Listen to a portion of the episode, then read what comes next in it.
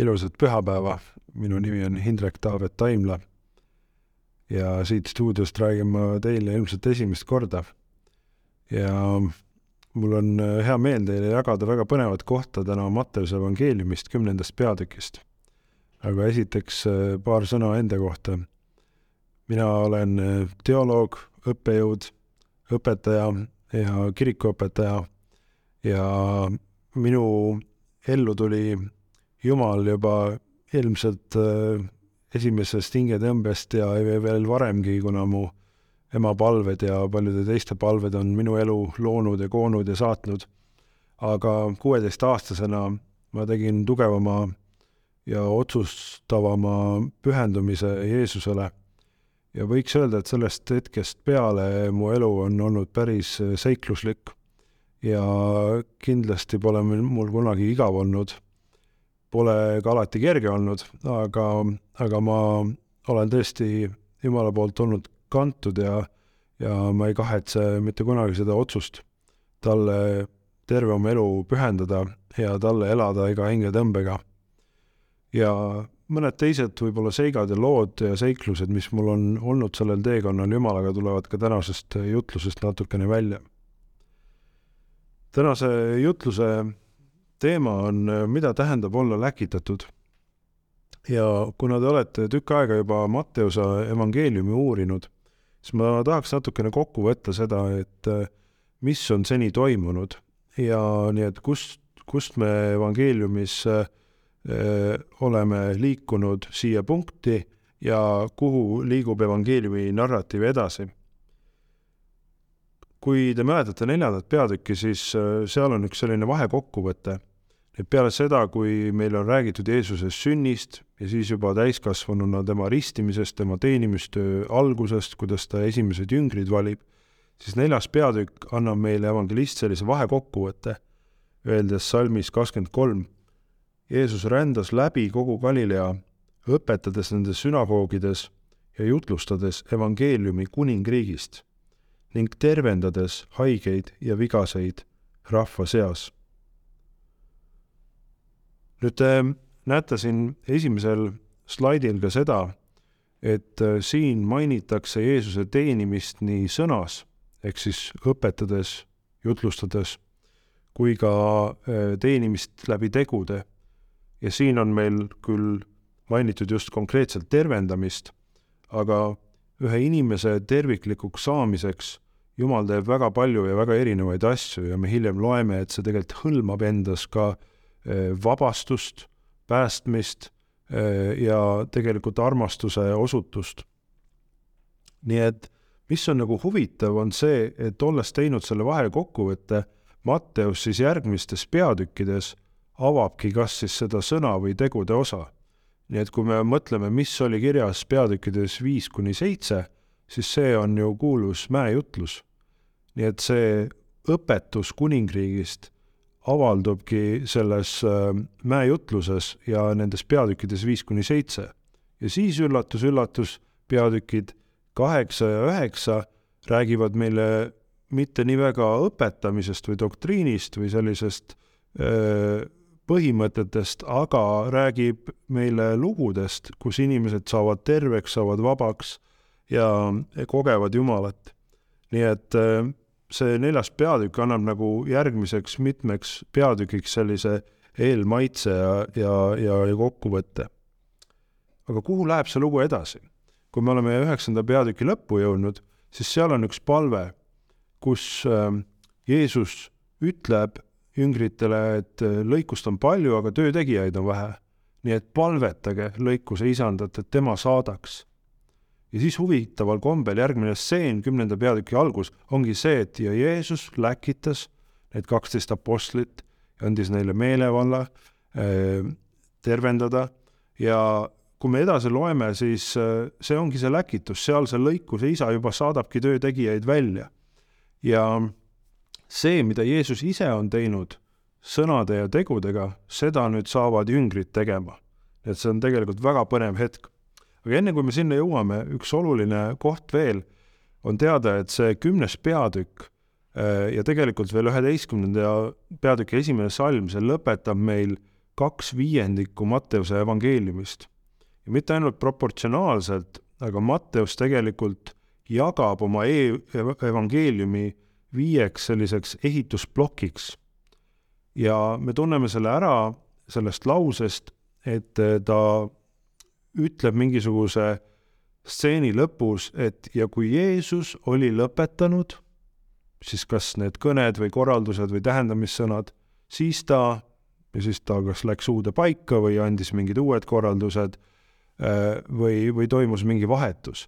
ja, ja see fraas, et siis, kui Jeesus oli lõpetanud, see ilmub meil viiel korral. ja usutakse, et äh, Matteus tegelikult matkib äh, selle number viiega, arvake mida ta matkib viit Moosese raamatut või nii nagu juudid seda tunnevad, Toorat.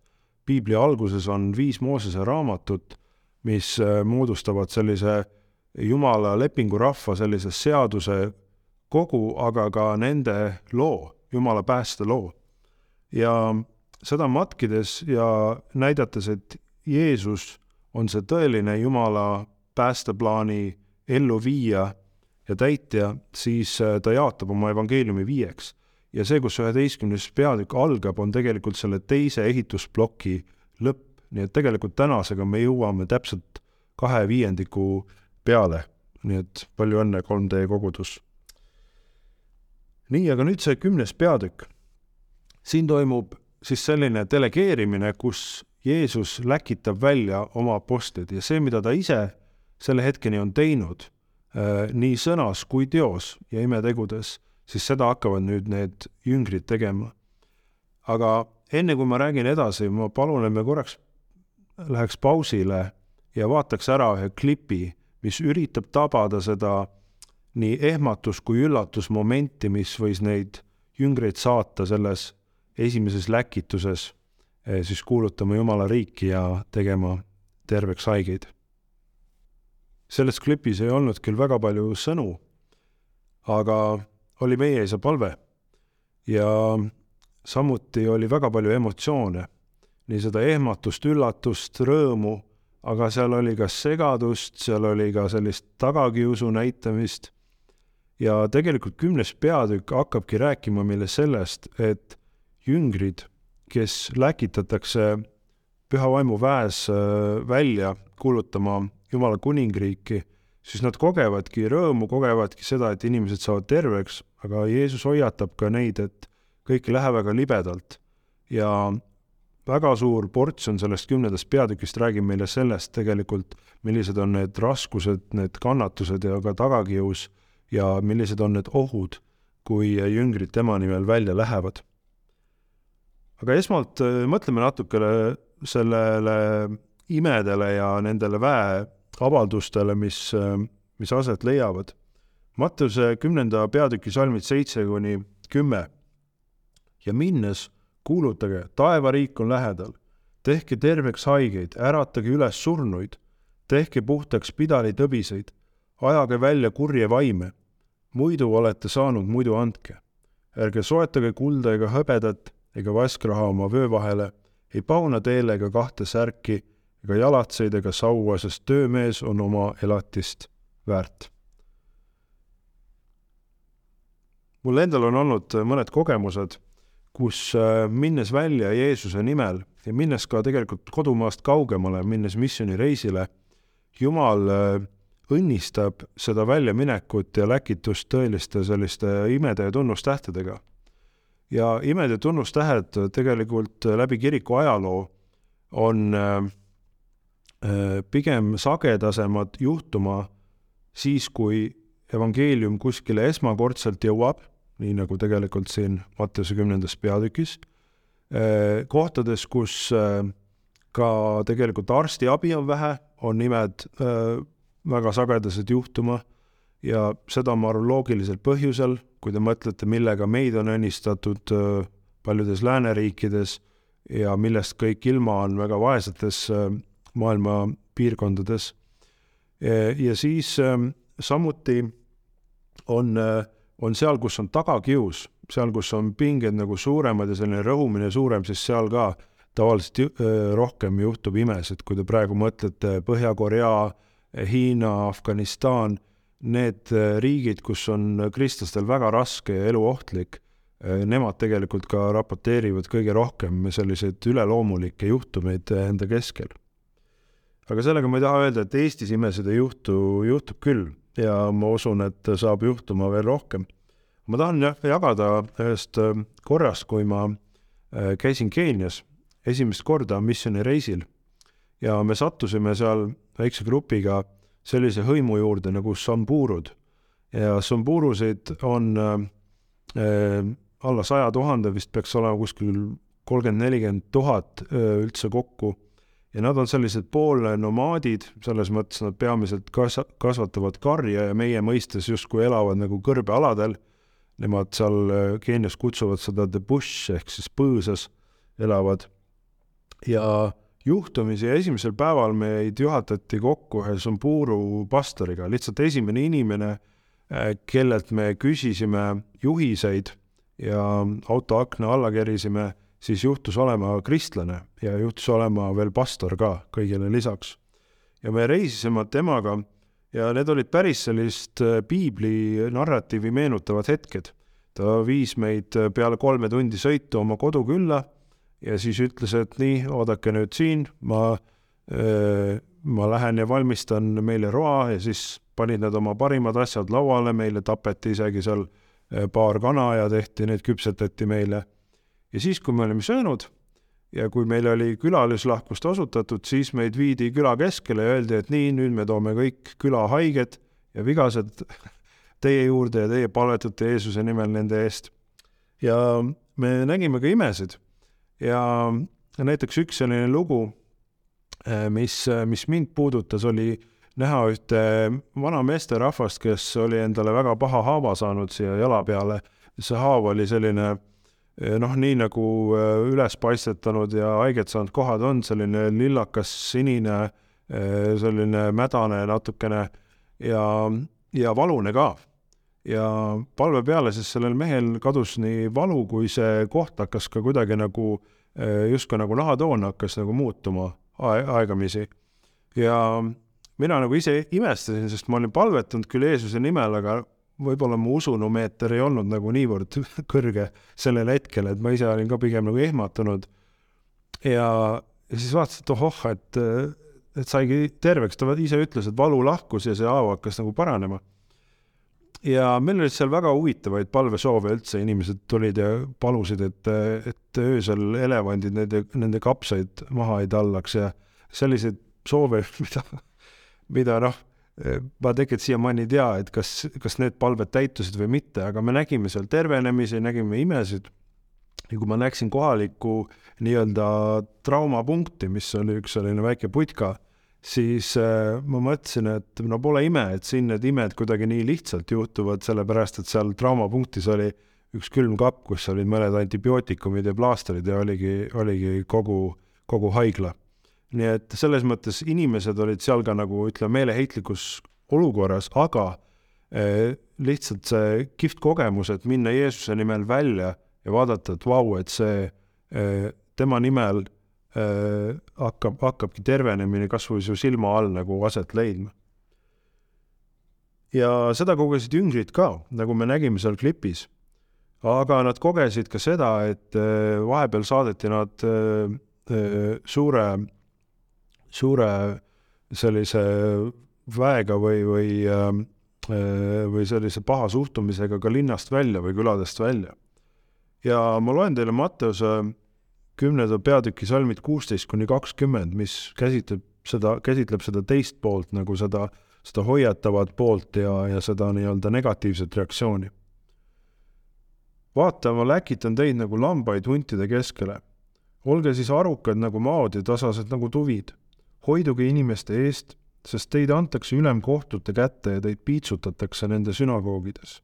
Teid viiakse minu pärast ka maavalitsejate ja kuningate ette neile ja rahvastele tunnistuseks. aga kui teid reedetakse, ärge muretsege, kuidas või mida peate rääkima, sest teile antakse tollel tunnil see, mida rääkida. sest teie pole rääkijaid, vaid teie isa vaim kõneleb teie kaudu. mina ei ole isiklikult kogenud suurt tagakiusu ja ma tegelikult tänan Jumalat selle eest, sest need on väga rasked kogemused. Aga küll aga mind on ühe korra üle kuulatud ja see oli minu kõige esimesel missioonireisil üldse. see vist oli kaks tuhat üheksa aasta, kus äh, Jumal oli just kutsunud äh, ka mind rohkem nagu sellisele kultuuride ja rahvuste vahelisele teenimistööle ja me olime väikse grupi eestlastega ja meil oli üks brasiillane ka, olime Venemaal ja olime läinud äh, missioonitööd tegema soome-ugri äh, rahvaste juurde. ja need äh, rahvad on üldiselt Venemaal niimoodi pillapalla laiali, neil on oma keel, oma kultuur, mis on seotud rohkem soomlaste ja eestlastega juurte poolest, aga nad elavad Venemaal, neil ei ole, on ju, iseseisvust. Ja tegelikult ka nende kultuuri väljendamine on küllalt nagu represseeritud ja meie läksime siis nende soome-ugri hõimude just kristliku kogukonna juurde, et neid julgustada nii usus kui ka selles, et, et Jumal armastab ka nende rahvast ja keelt. ja kui te nüüd vaatate seda pilti ekraanil, siis siin on näha, et me koos väljendasimegi äh, oma kultuure. Nemad panid oma soome-ugri riided selga, meie panime oma eesti rahvariided ja me käisime ja laulsime ja ja tantsisime ja mängisime selliseid äh, vaimulikke Eesti rahvaviise ja siis nende rahvuse rahvaviise. ja me kuulutasime ka evangeeliumit. ja Venemaal tookord oli nõnda, et sinna sai kas minna siis turismiviisaga või siis religioosse viisaga. religioosse viisaga pidid sa olema Vene ortodoksi kirikust osa turismiviisaga ei tohtinud sa kohe mingil, mingil põhjusel kuulutada evangeeliumit või usuliste asjadega tegeleda. ja meie olime läinud sinna turismiviisaga, sest äh, me ei ole vene õigeusklikud. aga Jeesusest me kuulutasime. ja siis ühel päeval, kui me pidime siis kohalikus linnas seal ennast registreerima, see oli nendel aastatel veel tava, et kõik äh, võõramaalased tulevad ja näitavad ennast korraks siis äh, juhtus nii, et me jäime sinna ikka tundideks, terveks päevaks tegelikult. ja põhjus oli see, et nad kahtlustasidki, et meie ei ole nii väga turistid, aga oleme kuulutajad. ja sellele ei aidanud kaasa väga fakt, et minu pastoril oli siis selline must eesärk, kus oli valgelt kirjutatud, kas sul on Jeesus inglise keeles, got Jesus, see küsimärk nii et mõned asjad olid nagu elementaarsed, et jah, et me vist oleme religioossed inimesed. Ja, ja siis meid hakati üle kuulama ja juhtumisi oli see ka tegelikult äh, vahetult peale pronkssõduri teisaldamist. nüüd mõned äh, vist siin vaatajad on nii noored, et nad peavad pärast Vikipeediasse kirjutama, mis see pronkssõduri teisaldamine on, aga see oli selline aeg, kus tegelikult eesti ja vene rahvuse vahel oli omajagu sellist äh, hõõrumist kui viisakalt öelda. ja, ähm, ja siis meid kuulati üle, küsiti äh, selle pronkssõduri sündmuste kohta, kus me olime sellel ajal, äh, siis küsiti meilt ka selle kohta, et kes me, kes meie vanemad on või pereliikmed, kus nad töötavad ja üksipulki noh, ma ei tea siiamaani tegelikult, mis teiste käest küsiti, sest igaüks käis üksi ähm, siis ülekuulamisel ja mina tegelikult käisin koos tõlgiga, sest mu vene keel ei ole nii hea. ja sellel hetkel ma tegelikult kogesin nende salmide täitumist. ja minul oli see raskus, et ma ei taha valetada, on ju, sest valetada on, on halb, on, on patt, aga ma ei taha ka midagi reeta, mis tegelikult kahjustaks selle kohaliku koguduse tööd ja tegelikult meie suhteid ka, sest võib-olla kui mina midagi nagu valesti ütlen, siis järgmine grupp ei saa enam tulla nende juurde. nii et väga raske olukord, kus äh, sa tahad olla aus, aga samas äh, noh, sa ei saa nagu otse öelda ka, mida sa seal teed. ja siis oligi nii, et püha vaim nagu lause-lauselt kuidagi tõi selle tarkuse, eks mul oli natuke puhvrit ka aja mõttes, et mind tõlgiti, siis ma sain võib-olla paar sekundit kauem nagu mõelda, mida ma ütlen, aga ma tundsin küll, et jumala vaim tegelikult ütles, justkui dikteeris mulle, et nüüd see ja see ja ma tundsin, kui ma sealt ruumist välja astusin, siis mingi nelikümmend viis minutit hiljem, siis et äh, äh, ma ei ole valetanud, aga ma ei ole ka kõike nii-öelda äh,, kõike välja rääkinud, mis kahjustaks seda soome-ugri kogukonda ja seda kogudust. ja, ja see oli selles mõttes äh, pikk päev, aga see oli niivõrd jumala kantud, et tegelikult kõik kes me siis üksipulki käisime ülekuulamisel, nad tegelikult ütlesid nagu ühest suust, et sama asi, et, et jumal kuidagi andis, mida öelda. ja meilt küll võeti seal sõrmejäljed ja lõpuks nad, äh, ainuke asi, mille eest me nii-öelda saime väikse trahvi seal Eesti praeguses rahas võib-olla siin noh, kümme eurot, äh, siis oli see, et me ei ööbinud üheski hotellis, aga olime turism, turistiviisaga et see oli ainuke nagu süüdistus ja kõik need nagu muud äh, langesid maha. ja ma lihtsalt äh, tahan teid julgustada, et, et kui on selline olukord, kus te Jeesuse nimel olete välja läinud ja riigivõimud või kes iganes võtavad teid nii-öelda vahele, siis sellel hetkel püha vaim räägib tugevamalt kui, kui teie enda mõtted. ja nüüd äh, see peatükk läheb ise edasi ja räägib veel väga karmist reaalsusest, kus tegelikult evangeelium lõhestab perekonna. ja ma tean, et ka 3D-s on lugusid, kus keegi on kohtunud Jeesusega, aga tema pere ei ole sellega ühel lainel ja, ja, ja see toob justkui nagu mõõga sinna pere vahele. Jeesus hoiatab oma jüngrid, ütleb, et ma olen rahu toom-, tooma tulnud, aga mõõka. ja, ja see asi, mis teie hakkate siin kuulutama ja jagama, see lõpuks lahutab võib-olla vanemad lastest või, või seal äh, teised äh, pereliikmed ja, ja see toob tõelist nagu äh, raskust. ja neid peresid tegelikult äh, mina tunnen ka väga palju Indiast, Pakistanist, ka piirkonnast, kus on kristlik, kristlaste tagakius äh, ja võiks teile lugusid rääkida, aga ma arvan, meil ei ole nii palju aega. ma tahan lihtsalt julgustada, et ärge ehmatage sellest, sest see evangeelium, millel on igavikuline väärtus äh,, see ongi ka komistuskiviks ja, ja selles mõttes kõik ei võta seda ühel hetkel ja ühel samal päeval ja sama rõõmuga vastu. ja Jumal jätab meile vaba tahte ja see on, see on üks rist nagu, mida kanda Jeesust järgides, aga see on ka asi, mille eest palvetada, isegi täna hommikul meeste palvus hommikusöögil minu sõber jagas, kuidas tema, tema sõber, kes oli kakskümmend aastat Äh, hoidnud kirikust eemale, naine oli küll kristlane, aga kakskümmend aastat oli ta eemal. Ja nüüd ühel päeval tuli siis oma sõbra juurde, ütles, et ma olen päästetud. Äh,, ma olen, käisin alfa kursusel, ma sain ristitud. Äh,, ma olen, ma olen jumala oma, jumala laps. nii et äh, eestlased on pikaldased neid asju tegema ja peresuhted võivad ka olla väga nagu lõhestatud ja keerulised, aga aga jumal saab tuua inimesi meeleparandusele ja päästele nii et kõige lõpetuseks, mida siis tähendab olla läkitatud?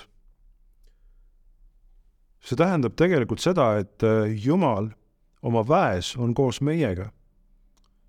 aga meile ei sünni mitte ainult head, aga meile sünnivad ka kannatused.